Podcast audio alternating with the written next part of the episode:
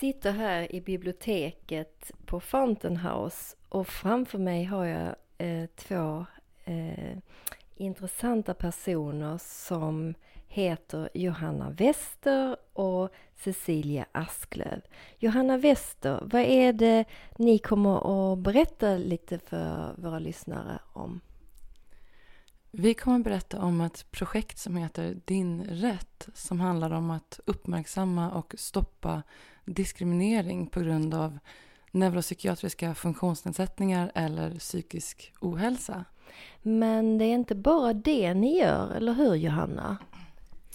Nej, precis. Även om det är en väldigt viktig och stor del av projektet så eh, består projektet också av att på andra sätt samla in så mycket information om upplevd diskriminering i samhället som möjligt från framförallt personer som kan ha varit med om den eller ser risker för att det sku, de skulle kunna vara med om den.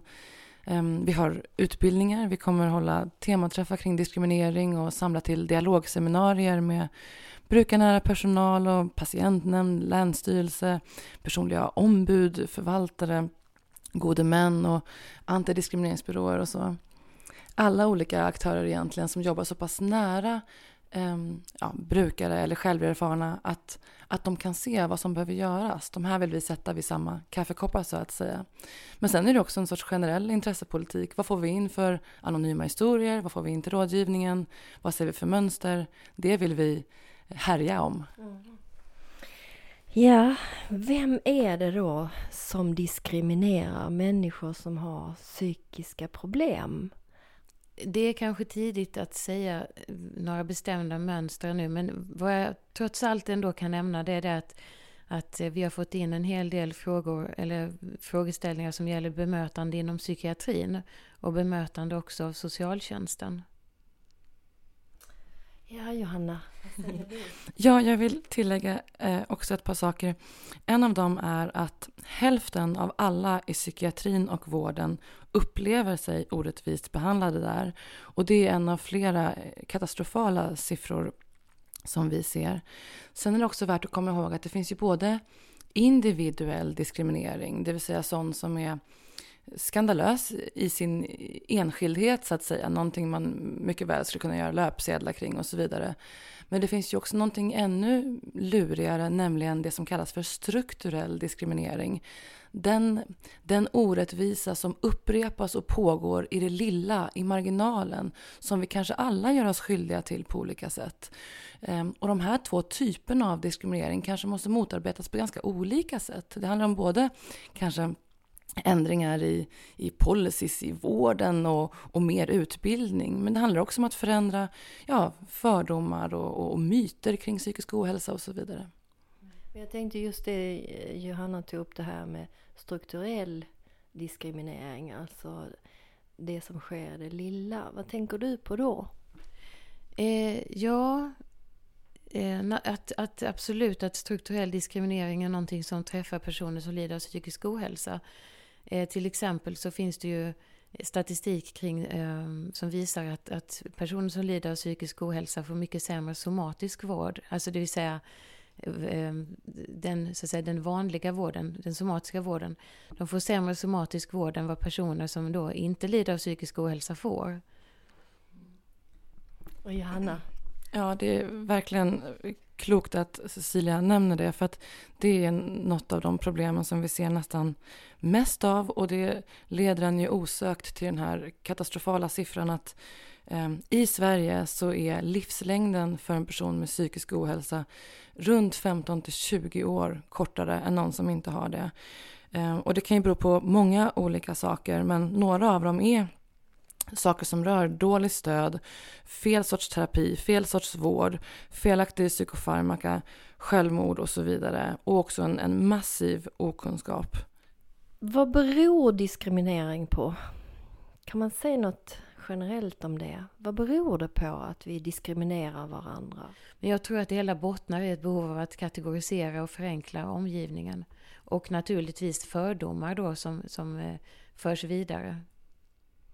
Jag tror det är jättemycket fördomar. Eh, för att om man tittar på siffror så, så sägs det vara ungefär en på fyra som drabbas någon gång i livet av egna, egna psykiska problem.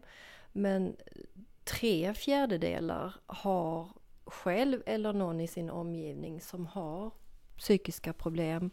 Eh, lättare eller svårare men det betyder ju att vi, de flesta på något vis har någon i sin omgivning eller själv är drabbad av just psykiska problem. Och så samtidigt har vi fördomar eh, och tror att det är någon annan eller någon, någon, någon eller hur?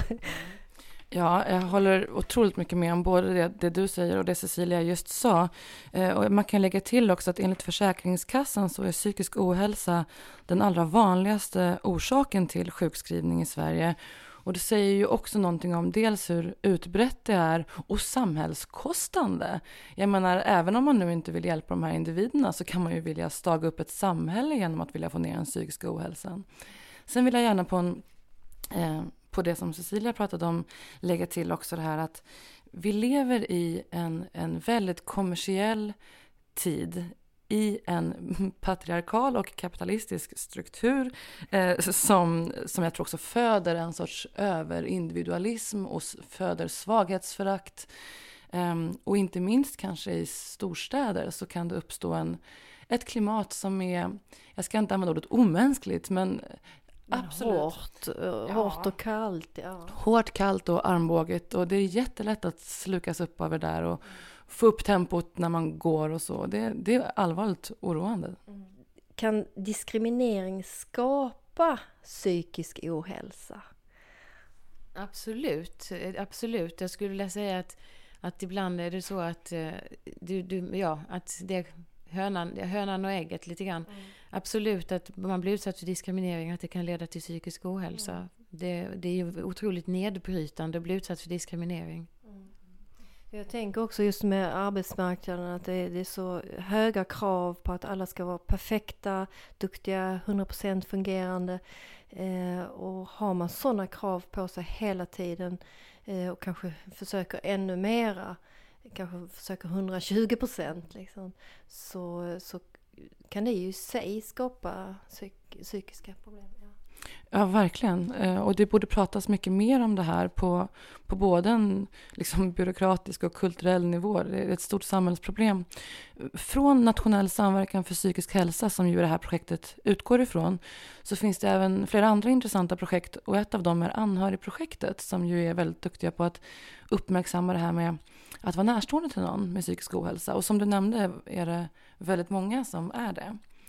Och en utmaning då som är ungefär samma typ av problematik det är att man kan bli drabbad av psykisk ohälsa genom att vara anhörig till någon som har det. Så det är också en sån här hönan och ägget situation tyvärr. Att det tror jag är jättevanligt. Anhöriga som tar sånt ansvar för, för någon i familjen som inte mår bra. Och som ringer och som skriver och som försöker liksom på alla sätt att hjälpa till och själv drabbas av, blir utbrända helt enkelt. Mm. Ja, absolut. Eh, det, det ser vi också på de ärenden vi får in att ibland är det anhöriga som tar kontakt för sina, för sin, för sin ofta kanske för barnets och barnets vägnar. Mm. Så att eh, visst, absolut. Och att det sliter oerhört på anhöriga att, att um, ta på sig den här rollen då, att vara den som för talan för den som blir diskriminerad eller mår dåligt helt enkelt, som lider av psykisk ohälsa.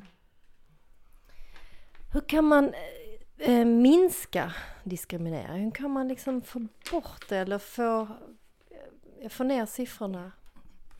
Ja, det beror ju på lite vem man pratar om. Men ifall vi pratar om själva professionen som kan vara som en sorts samlingsnamn för makthavare och brukarnära så kallad personal. Då tror jag att man måste ett, acceptera att diskriminering finns. Det är ett faktum. Eh, två, man måste förstå att okunskapen är en viktig bov i det hela och det är ett lätt problem att lösa när utbildning är vad som saknas. Och tre, att man måste också eh, inse detta att den kan vara både på, på individnivå men den kan också finnas eh, strukturellt. Och jag pratade med psykiatrichefer, de högsta psykiatricheferna i landstingen härom veckan och då tillkännagav de båda de här två sista sakerna. Och det kändes väldigt spännande tycker jag. Fast problemen är stora så det är inte alla som fullständigt blundar för dem, men det tar för lång tid. Jag, jag har ett exempel eh, på eh, i, i, Tyskland.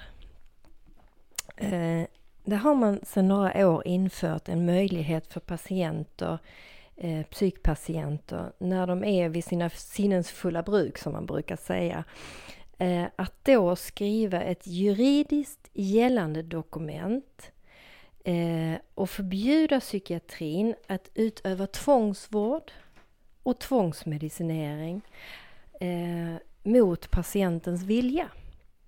Det jag funderar på är, kommer ni att jobba med något sånt förslag eh, för Sverige?